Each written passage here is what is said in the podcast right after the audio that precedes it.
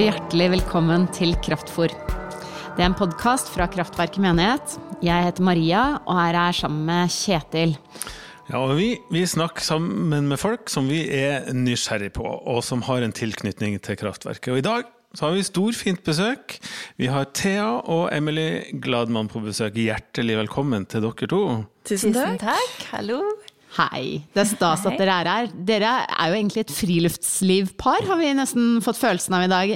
Altså, eh, Thea, du er kjempeglad i hengekøyer. Stemmer det? Absolutt, det stemmer veldig godt. Jeg eh, kjøpte en hengekøyebok for kanskje ja, fem år siden eller noe sånt.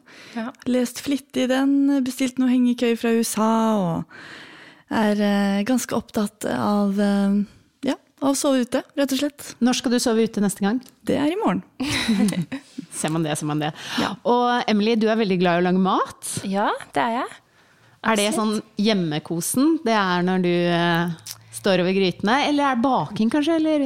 Du, det er litt begge deler, egentlig. Men eh, ja, jeg slapper veldig godt av når jeg lager mat. Så jeg lager helst mat hver dag og eh, bruker gjerne litt tid på det. Og så har du en hund. Det har vi. Han heter eh, Silas. Silas. Å, det var fint! Han som var i fengsel med Paulus. Ja, stemmer. Men han er fri. Han er fri. Han er fantastisk. Han. Det er deilig. Men, men eh, du eh, Det var jo morsomt, fordi Thea, du jobber jo som sosionom med folk i fengsel, ikke sant? Og Emily, du er sykepleier og tar en master. Ja, det stemmer. Der spesialiserer deg. Ja, jeg tar en master i noe som heter avansert klinisk sykepleie. Så akkurat nå så sitter jeg egentlig bare hjemme og skriver hver dag. Og skal levere det her i juni, da. Så det gleder jeg meg veldig til å bli ferdig med. Ja, det skjønner jeg. ja. Vi må høre mer om disse jobbene. De har vi lyst til å høre med masse om. Så er dere her sammen fordi dere er jo gift med hverandre. Og i dag så har vi lyst til å snakke med dere om viktigheten av å være en del av et fellesskap. Og Thea, du, du jobber jo på en omsorgsbolig for innsatte, ikke sant? Ja, man kan kalle det det. Det, heter, det er en soningsinstitusjon for straffedømte. Ja. Kan ikke du fortelle hva, hva slags folk møter du der? Du, det er eh, alt mulig slags type folk, egentlig. Det er eh, folk som soner eh, korte dommer, lengre dommer. Eh, korte dommer eh, kan være ja, narkodommer og vold, f.eks. Og så har vi noen som sitter for drap og seksuallovbrudd og ja. Veldig mye forskjellig. Unge, eldre. Eh, en godtepose av folk. Ja, men det de har felles, er at de skal ut snart. Ja. De soner siste delen av dommen sin hos oss. Og de kan være der fra mellom tre måneder til eh, ett år. Nå var det litt artig at den politibilen eller hva det var, kjørte utover. Men eh, ja. Så vi hjelper de med Det er jo støtte og omsorg og praktisk bistand i forbindelse med løslatelse. Ja. Eh, holder tråder i f.eks. Nav og hjelper de med å skaffe bolig eller Og så er det jo å være sammen med de, miljøterapi, eh, finne på ting, sosialtrening, botrening. Friluftsliv. Ja, så Hengekøye. Har du fått brukt hengekøya? Eh, Ikke enda, men jeg håper på det. Nå har det jo vært litt sånn korona, og vi har ikke fått lov til å være så mye på aktiviteter, egentlig. Men jeg hadde med meg en gjeng eh, i eh, sommer, så det var veldig fint. Men disse som bor der, da, de har jo sittet isolert, da, mer eller mindre. Ja. Ikke nødvendigvis i isolasjon, men altså, i hvert fall fengsla, da, og med veldig begrensninger på det sosiale livet og alt. Hva, hva ser du Hva gjør det med, med disse menneskene? Nei, det er jo en grunn til at det er noe som heter soningsskada, da. Det er jo et kjent fenomen, og det er mange som sier at de er det, og blir mer, eh, hva skal jeg si, eh, prega sånn sosialt sett av det, da. Noen, eh, noen sier at de har fått mer sosial angst eh, etter de har sittet inne, særlig på lukka fengsel. Um, og man blir rett og slett usikker da, i sosiale sammenhenger. Gjør det noe med sjølbildet, eller? Det Absolutt. Det også. Mm. Hva da? Så det Nei, man blir gjerne Kan bli usikker på seg selv. Uh, og Nei, jeg vet ikke. Men uh, så kommer de til dere, da, så er de mange. Det er plutselig et fellesskap, et helt annet fellesskap, Ja, vi har plass til 30 beboere hos oss. ja. som da bor sammen. Ja. Eh, Vi har to etasjer hvor det bor ti i hver etasje, som deler kjøkken og bad. Og så har vi en, to andre etasjer hvor de bor i leiligheter. Separate leiligheter. Hvordan eh, er overgangen der da, fra å være eh, alene til å plutselig må forholde seg til et fellesskap? Ja, det er det mange som syns er utfordrende. Å måtte dele på ja, kjøkken, eksempel. Og samarbeide og holde ting renslig og ryddig. Og ja, det er noen frustrasjoner noen ganger med renhold, eksempel. Det er noe som dukker ofte opp. Ja, for de har liksom hatt, liksom bare fått servert ting, kanskje, eller Ja. levd veldig isolert før, og så plutselig skal de dele bad og støte på hverandre. Ja, og ha veldig Litt faste, mer intimt. Ja, og ha veldig faste rammer, da. Eksempel eh, alle måltider blir servert faste tider. Så jeg snakka med en senest i går om at han syntes det var vanskelig å få rutine på det med mat. For han er vant til å få ting servert. Og nå må hun jo lage maten selv og strukturere hverdagen mer sjøl. Så det er også noe vi bistår dem med og hjelper dem med. Å få rutine da, på dagene. Og mange er jo i sysselsetting, det er jo krav hos oss. Minimum 50% sysselsetting.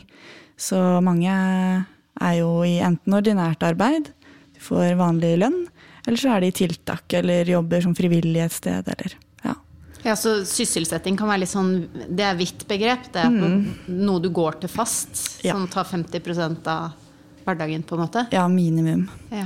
Så det er det som er meningen hos oss, at de skal få en mer glidende overgang tilbake til samfunnet.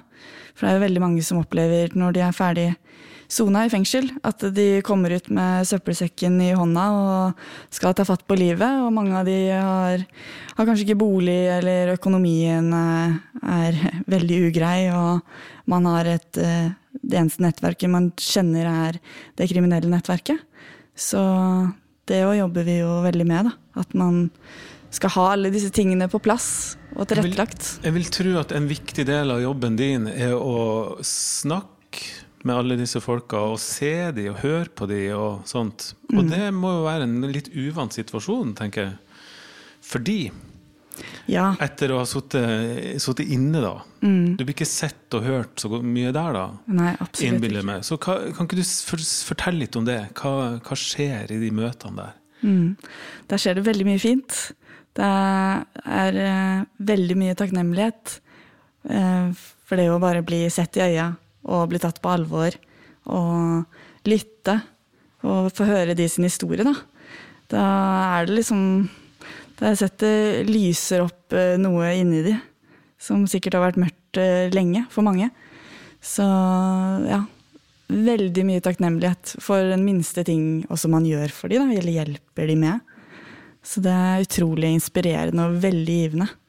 Og jeg tror det også kan hjelpe mange med å få litt troa på seg selv igjen. Og troa på tiden etter de er ferdig hos oss. da. At vi gir det et håp om at ting kan bli bedre. Og man kan endre seg. Og særlig det med det å få en ny sjanse, da. Uavhengig av hva man har gjort, og se de for den de er, og de ressursene de har. For det er jo Jeg leser jo selvfølgelig dommene til de, særlig de jeg skal ha ansvar for å følge opp. Men det er utrolig hvor fort og man glemmer det de har gjort, når man blir kjent med dem. Så det, det blir ikke det viktigste fokuset, da. Du, Emily, Ja. du, Thea snakker så varm på det her. ja. Og jeg er jo engasjert i dette, både temaet og disse folkene. Så når du kommer hjem da, på ettermiddagen, er dette noe du får høre om? Ja, ja. Hver dag. ja. Vi snakker veldig mye om eh, jobbene våre, så særlig Thea sin jobb nå, da, i og med at jeg studerer og ikke jobber så mye. Så det er uh, veldig ofte eh, forteller om fine samtaler hun har hatt med beboere på jobb, eller fine øyeblikk, eller uh, beboere som har reist, uh, som, hvor det var veldig trist, og hvor de uttrykker stor takknemlighet overfor hvordan de har blitt møtt, og relasjonen de har fått, særlig til Thea. Og, ja, det er veldig fint. Det er lett å skjønne at uh, Thea betyr mye for uh, disse menneskene, da. det skjønner jeg jo godt. Du nevnte Thea, eh, om, om å ha en ny start. Og alle disse folkene her er jo da på vei inn i en ny start. En ny sjanse. Si noe om det, da. Hva tenker du om det? Er det, noe, er det fortjent? Er det sånn det skal være? Jeg tenker at alle fortjener det. Og at hvem som helst kan eh, nesten da, eh, ende opp i en sånn situasjon hvor man eh, kan havne litt på kjøret. Da. For det er veldig mange av de også som har opplevd eh, kjipe ting i barndommen, f.eks. Eller eh, har også foreldre som har vært kriminelle, eller Så jeg tenker hvem som helst kan havne i situasjoner som ikke er så bra, og man kan ta dårlige valg.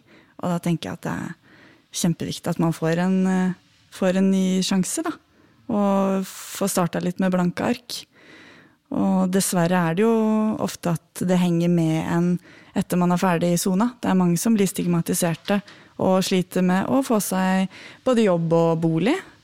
Eh, For man har eh, det i sekken, da, den dommen. Så, men jeg tenker når man, når man er ferdig sona den, så er min tanke at da, da er man ferdig, da.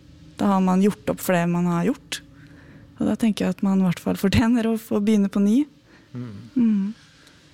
Du sa noe så fint i sted om at du kunne se lys gå opp i øynene deres. Så det høres ut som det er et sånn kontinuerlig arbeid for å liksom å bevare mot og håp, da. For det er en hard virkelighet det er en sånn gråsone hos dere, før de er helt ferdigsona og fri, da. Hvordan, hvordan jobber du med det i, i motgang? Hva? Eh, det er tett oppfølging med samtaler, da. Det går mye i. Og ja, ta de med ut på ting også, og utfordre, utfordre de, da. Eh, ja, i motgang. Det er jo å være en stabil, eh, stabil person i det vonde, og vise at man tåler å høre, høre det vonde, da. Ja. Um, for det er mange som tror, tenker det òg, at eh, det er ingen som tåler meg, eller tåler min historie. Men det å vise at man gjør det og står i det, da, eh, det tror jeg betyr mye for mange. Dere er jo en del av kraftverket begge to, og har ei tru på Gud, tru på Jesus. Hvordan er det å være kristen i den jobben der, da, Thea? Det syns jeg er veldig fint. Da er det jo mm, Frelsesarmeen som driver eh, Elevator. Så eh, noe av det første jeg skulle sette meg inn i et intervju til den jobben, var jo verdisettet deres, verdigrunnlaget. Og fortelle hva jeg tenkte om det. Og når jeg kom på intervju da og hadde lest eh, de verdiene, så tenkte jeg det her kjenner jeg meg jo veldig godt igjen i. Det er jo troa mi, og velkommen veldig naturlig. Eh, veldig fokus på Jesus og og vår jobb er ikke å dømme. Og ja eh, Se folk for den de er, da. Og nestekjærlighet og alt det fine. Så det Jeg syns det er kjempefint å kunne ha med seg sine egne verdier og i den jobben. Hvordan er det for deg da, Emilie?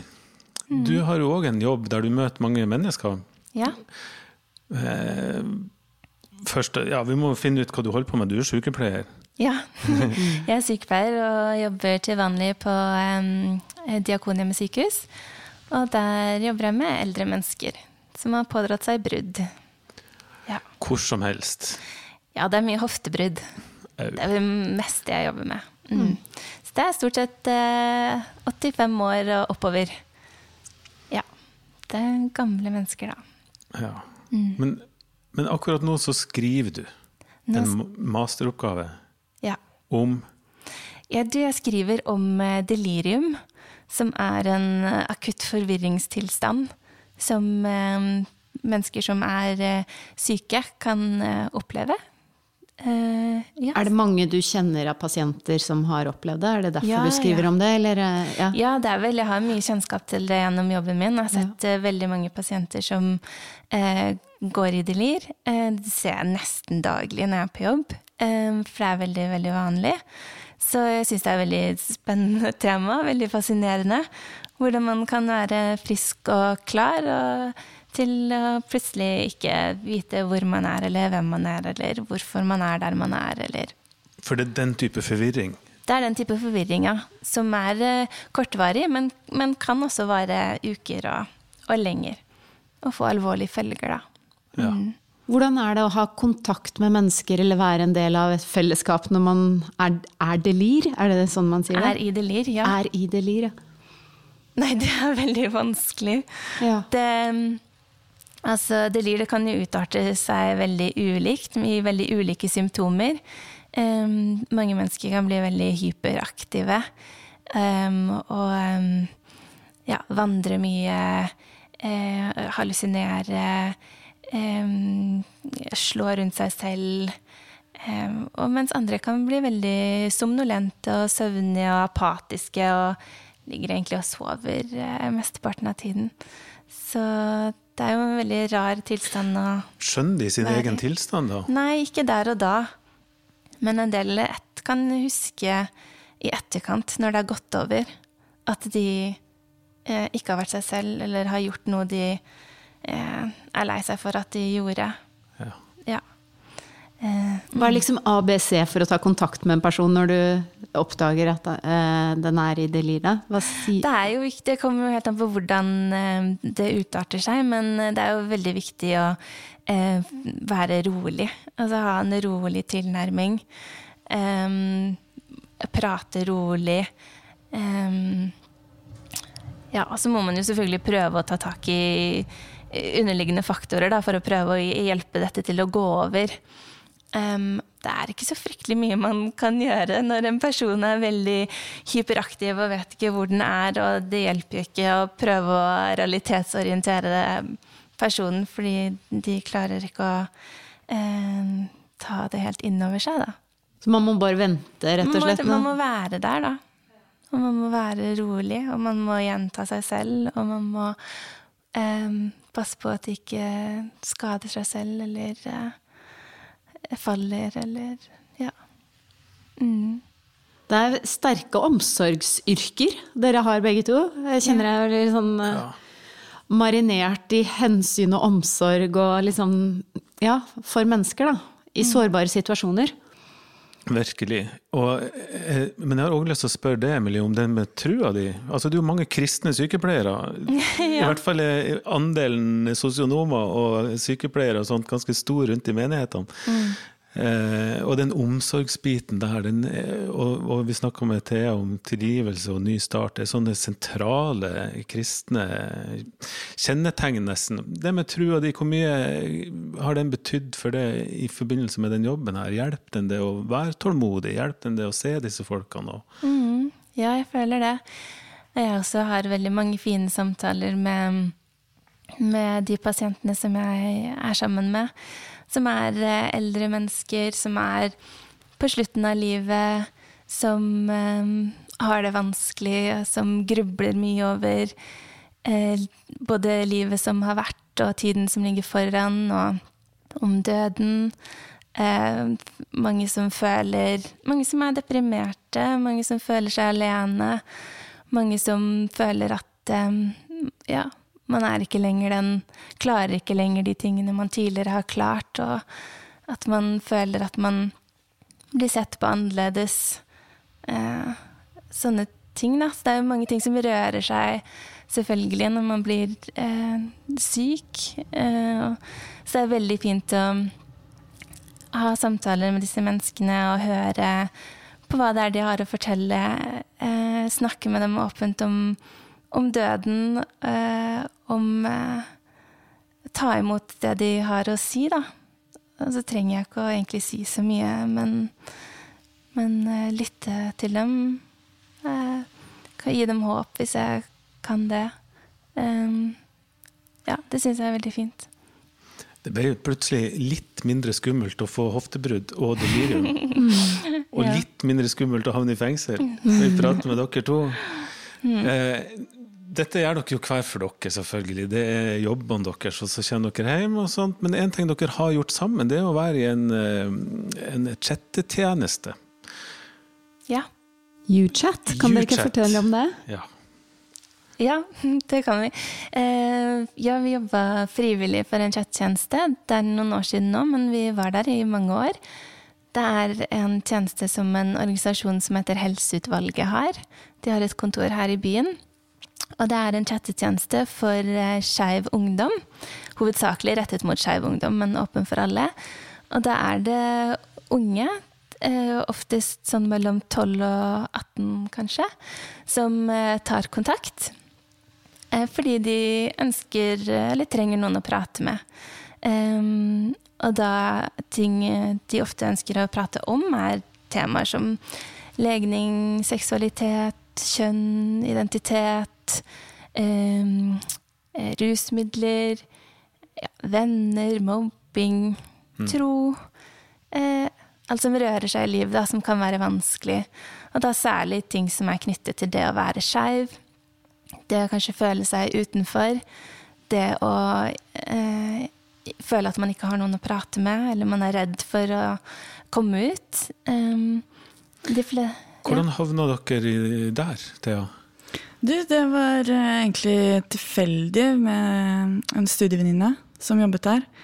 Og så fant hun ut at jeg var skeiv, og også kristen. Og så sa hun at eh, de hadde fått veldig mange henvendelser fra unge skeive kristne. Og at de som jobbet der da ikke hadde så mye kompetanse på feltet. Og visste ikke helt hvordan de skulle møte de. Så da lurte hun på om jeg ville bli med. Eh, eh, som frivillig der. Og da ble også Emily med. Og mm. ei venninne av oss som også er prest, fikk vi med. Og en annen kompis. Uh, ja. For å stille opp der og prøve så godt vi kan kunne og svare på de spørsmålene de lurte på, og, og møte de. Kan, kan, du ikke si noen ting om hva, hva er, Du sa du litt da, Emilie, om hva, mm. hva, dere, hva slags tema. Ja. Men hva slags historie ramla inn på chatten deres da? Eh, det, det er mye vondt. Og vi ble egentlig veldig overrasket over Ehm, de historiene vi hørte. Og vi har jo visst, og delvis erfart litt selv, at det kan være utfordrende å være skeiv um, i ulike kristne miljø. Og det fikk vi høre veldig mye om. Um, det er jo unge mennesker som går i, ofte da, som går i ulike kirker, og som er skeive, og som ikke, som ikke, har fortalt det til noen, og som er livredde for å fortelle det til eh, kirka eller venner eller familie. Og det er unge som da føler at de må velge mellom eh, troa si og mellom det å være den de føler at de er, og ikke vet hvordan de skal eh, gå frem, rett og slett. Da. De føler seg tvunget til å ta et valg, eh, og mange har forsøkt lenge å um, ikke være skeiv. Og så opplever de etter hvert at ja, det får de ikke til, og det går selvfølgelig ikke. Og da føler de at de må velge bort troa si, noe de heller ikke ønsker.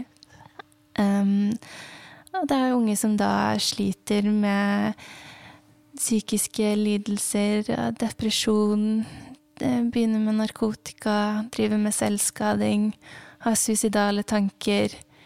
Eh, unge som har det veldig vondt og ikke vet hva de skal gjøre, rett og slett. Mm. Hva kunne dere si eh, til de i den situasjonen? Det ser jo ikke ansiktet, eller det er bare en tekst. Hva?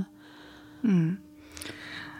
Nei, det er jo mye lytting, da. Eller i den form lytting går an på en chat. Men uh, bare la, la ordene liksom strømme på, og stille gode spørsmål, reflekterende spørsmål. Og gi troa da, på at uh, det faktisk går an. Men det var jo mange som syntes det var sjokkerende når uh, vi skrev at uh, vi klarte å kombinere begge deler, og ikke så på det som noe problem. Da. Så var det jo å forklare, forklare det for dem. Eh, så var det noen som, som, klarte å tro på det, og andre som ikke klarte å skjønne det, eh, for det ble for vanskelig. Og jeg skjønner jo den skvisen med å Hvis de skulle ha stått frem da, og velge å være den de er, så er jo, var jo konsekvensen for mange å miste hele nettverket sitt. Apropos fellesskap. Miste det eneste fellesskapet de kjenner til og har. Det er et ganske vanskelig valg. Man stor skvis å stå i. Så Når man er under 18 år. ja. Mm. Så vanskelig. Men jeg følte at det hjalp mange å bare høre at, eh, at det gikk an å være skeiv og kristen. At det også bare var en helt sånn ny tanke for mange. Um, og kanskje bare det i seg selv kunne være med på å gi litt håp om at eh, å ja, at uh, kanskje det går an, eller at det er noen andre som får det til. da. Eh, og, ja. For deres historie, da. Denne, det høres jo ut som det ikke har vært noe problem å være kristen. Sjøl om dere er skeive. Nei, det har ikke vært noe problem for meg. For meg. Nei, ikke sånn eh, i mitt indre, holdt jeg på å si. Det har heller vært eh, fra andre mennesker, eh, andre kristne mennesker, som, hvor det har vært eh, vanskelig. Så det var nok fint for ungdommen å høre at, at, at man kunne dele litt lignende erfaringer, da. Og stå litt i det sammen. At, eh, at man ikke var så alene i det. For det er det mange som tror også. Er den eneste skeive kristne på jord? Men at det fins flere av oss, og at det dessverre kan følge med mange vonde erfaringer med det. Men eh, det viktigste er jo ens egen relasjon med, med Gud, da. Men den vil jeg høre litt om hvis dere byr på. Fordi at Vi spør jo gjerne folk i denne poden om, om trua deres, hvordan den ser ut. Og så, og så erfarer vi at eh, ja, trua kan være så mangt, egentlig. Hvem, er, hvem er Gud, og hvem er Jesus for dere? Og hvordan ser de ut? Ja, vi kan jo bare si litt om oss, da. At eh, da vi først ble kjent, så gikk vi jo begge i forskjellige menigheter her i Oslo. Og um, særlig kanskje de første årene så var vi jo en del av et kirkefellesskap sammen. Og vi, uh, vi ba veldig mye sammen. Um, og vi uh, hørte mye på lovsang sammen og alt det her. Og så har ting forandra seg litt etter at vi til slutt uh, slutta å gå i de menighetene vi gikk i, da. Um, en stund etter at vi ble sammen, og ikke helt fant en, et nytt fellesskap uh, med en gang. Eller det tok, tok veldig mange år. Uh, mistet ikke troa i løpet av den perioden. Um, men, og det var trua noe dere to delte da underveis? ja, det var det. Um, men vi følte at vi mistet fellesskapet vårt, da. Det gjorde vi. Følte at det var veldig oss to lenge. Mot verden, på en måte? Eller? Ja, på, på et vis.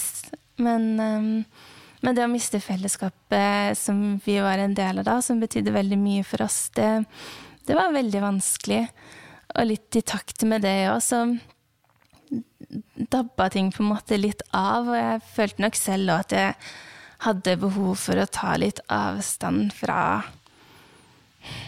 Ja, ikke Gud, men, men det å gå i en menighet, kanskje, da. Um, Ja, Klarte dere å skille mellom Gud og menigheten, da? ja. Ja, det, Det har vi alltid klart. Det for meg har alltid vært veldig enkelt.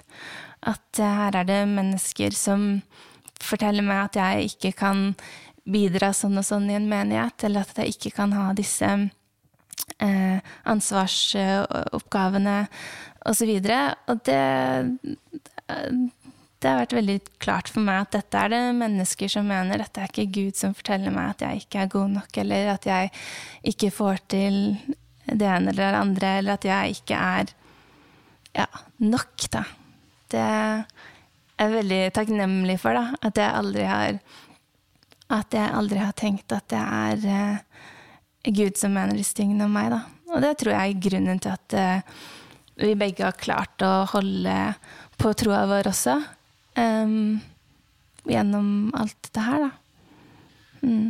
Det er jo et veldig godt og viktig budskap, tenker jeg, å få fram akkurat det der at det er Gud og kirka er ikke det samme. Ja, og så tenker jeg at Maria og jeg vi har jo stått her og pratet om vår tro og vårt gudsbilde, og det er jo et ganske lyst gudsbilde. Altså, Mm. vi tenker jo på Gud, har vi jo snakka om i disse podkastene, at det, vi har et godt forhold i utgangspunktet til Gud. Det er en god ting å ha. Og det slår det med jo at det må jo dere òg ha hatt. Det er ikke en, en veldig skummel eh, Gud dere tror på. Nei, det er en veldig raus en veldig raus, eh, stor Gud. Mm. Det er rørende å høre på, syns jeg. Ja. Men det at dere eh, har denne historien, og så havner dere i sånne omsorgssituasjoner, og er litt sånn eh, Hva skal jeg si da, dere er magneter på eh, folk med ordentlig trøbbel, som havner utafor i en eller annen situasjon. da. Tenker dere at det er en altså, Eller jeg blir litt imponert da, over at dere har denne omsorgsfunksjonen, men koster ikke det litt? Jo, det gjør jo det òg, på en måte, men jeg syns det veier så mye opp da, for å eh, Ja, den takknemligheten og kjærligheten man også får tilbake ved å gi kjærlighet til noen. mm. Eller vise kjærlighet for noen. Eh, så jeg tenker ikke at det Nei, det går ikke bekost på bekostning så mye av å være god mot andre. Da. Man får så mye igjen for det. At det, mm det er så verdt det. Dere ender opp i pluss, dere? Ja. Absolutt. Ja, ja. Mm. ja. Så er det noen ganger man tar inn over seg noen av de forferdelige historiene man hører, mm. og blir veldig lei seg på de sine vegne, og på at verden er så ekstremt urettferdig. Og, men samtidig så ser jeg jo på mitt eget liv og eh, da tilbake, eller det setter ting i perspektiv, at da blir jeg også ekstremt takknemlig for hvordan jeg har det. Uh, og da får man jo også enda mer lyst til å hjelpe de som ikke har det så bra som oss, da. På en måte. Mm. Mm. Den kjærligheten og tilhørigheten dere har hos hverandre, må jo være en del av eh, ressursene dere har. Kan dere mm. si noe om det? ja. Um, nå mista jeg helt tråden i hva jeg skulle si. Det er helt greit. Men ja. Nei, jeg husker da vi ble sammen, at um, det er mange, det er jo snart syv år siden nå, at tenkte en del på det. At dette er et valg som koster, da. At det, det koster litt at Thea vil bli sammen med meg, da. Eh, og andre veien. Fordi ja, det kosta oss jo miljøet vi var i, det har kostet oss venner, det har kostet oss menigheten vi gikk i, ikke sant. Um, så da er man ganske sikker, da, når man ønsker å gjøre det likevel. Og trygg på at uh, dette er riktig, og det er dette vi vil, og dette er godt, og dette er bra. Og da er det lett å ta det valget likevel, da. Så det har vært vanskelig, men jeg har aldri tvilt på om det har vært uh, riktig. Nei. Har du det sånn du òg, Thea? Ja, ja, ja. Mm. Helt enig. Og at Gud er med og heier på oss, da. Mm. Det var veldig godt å, å, kjenne på når vi først ble enige om at vi ville gå den, eller ta det et steg videre. Så kjente vi på en veldig sånn fred over det også. En litt sånn, Vi snakka om det, en litt sånn guddommelig fred over det hele. Mm. At det ja. Mm. Vi er heldige, ja. Vi er veldig heldige. ja. Og det er fint å høre, da. Når ting koster litt, så betyr det litt ekstra å satse på det, da. Mm. Det er fint. Jeg... Vi skal avrunde snart. Mm. Det med fellesskap Jeg beit meg merke til én ting om det med fellesskap. For dere snakker om trua deres, at den, den, den har vært der hele tida, også når fellesskapet ble borte. Men det var litt vanskeligere å tru da. Hørte rett da? At det er vanskeligere å tru alene enn å tru sammen med noen? Ja, på en måte. Um, I den forstand at man ikke får så mye input da, fra, fra, andre. Man er ikke Man føler seg litt utenfor da, den utviklingen alle andre eh, er på. Og det krever litt mer da, å stå i det aleine. Og eh, ja, kan kreve litt mer å tro alene og holde ting i gang alene og være disiplinert og ikke mm. sant. Um, prioritere det, ikke minst. Um, så i den forstand så har vi jo kjent på at det er vanskeligere når man, når man mister uh, det større fellesskapet da, som man har vært en del av lenge. Mm. Som hjelper deg liksom til å komme deg litt videre i troen din og utfordrer deg og inkluderer deg, da, ikke minst, i, i settinger og ting som skjer, som gjør at man videreutvikler seg. da. Mm, og har en arena bare i det hele tatt å delta i og utøve troen sin i. Og, mm. og det er da vi er veldig takknemlige for at vi kom hit, eller kom tilbake hit egentlig, for vi var jo her også for ganske mange år siden. Mm. Eh, men når vi kom tilbake hit eh, i fjor eh, vinter, det var vel januar i fjor vi begynte å, å gå her, mm. og bli møtt da, med en sånn varme. og og særlig bli møtt av deg, Kjetil. Og mm. du sa til oss så å si i øya at her, her, kan dere senke skuldrene og være dere selv. Og kan delta i det dere vil. Det var bare sånn Det var så uvant for oss å høre. Og ja, det var jo Det var så sterkt, da. Å, å få den. så her føler vi oss veldig hjemme og er supertakknemlige for at uh, vi får være her. og ja, og Det til tross for at det ikke er så mye lovsang og eh, opp på, på benkene og sånn, som dere egentlig er vant til. Ja, ikke sant? det er litt annerledes uh, stil, holdt jeg på å si, men uh, vi føler oss veldig hjemme her. Og, vi var ja. klare nå. Det var noe med det, tror jeg. Mm. Ja. Men vi får snu den. Vi er utrolig glad for at dere er her. Og vi håper jo virkelig at Kraftverket og andre kirker skal være et godt fellesskap å være i for alle. Mm. For jeg tror Eh, dere jo, er jo heldige da, og har hverandre. Mm. Og hjelper hverandre til å tro, hjelper hverandre til å leve. Det er mange som sitter i fengsel.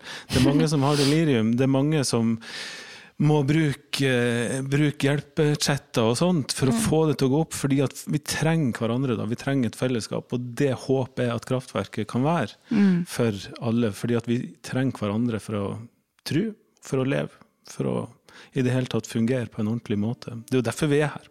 Absolutt, og mm. det er derfor det er viktig for oss å gå her og være oss selv og være åpne, sånn at um, For skeive unge og skeive eldre fins jo absolutt alle menigheter. Vi er jo der også, selvfølgelig. Og det tror jeg er viktig at folk eh, også um, er åpne, da. Sånn at andre kan se at det kan gå fint. Mm. Da tror jeg vi skal si tusen takk for Veldig stas besøk. Mm. Veldig fint å ha dere eh, med i podkasten vår. Tusen takk for oss. Det er som å være i nærheten av sånn varmeelement. Ja. Når eh, vi får treffe dere. Så tusen takk for at dere kom og satte dere i sofaen hos oss i dag. Mm. Tusen takk for oss, det var veldig hyggelig. Mm. Og så høres vi igjen om ikke så veldig lenge. Det stemmer. Ha, ha det bra. bra. Ha det.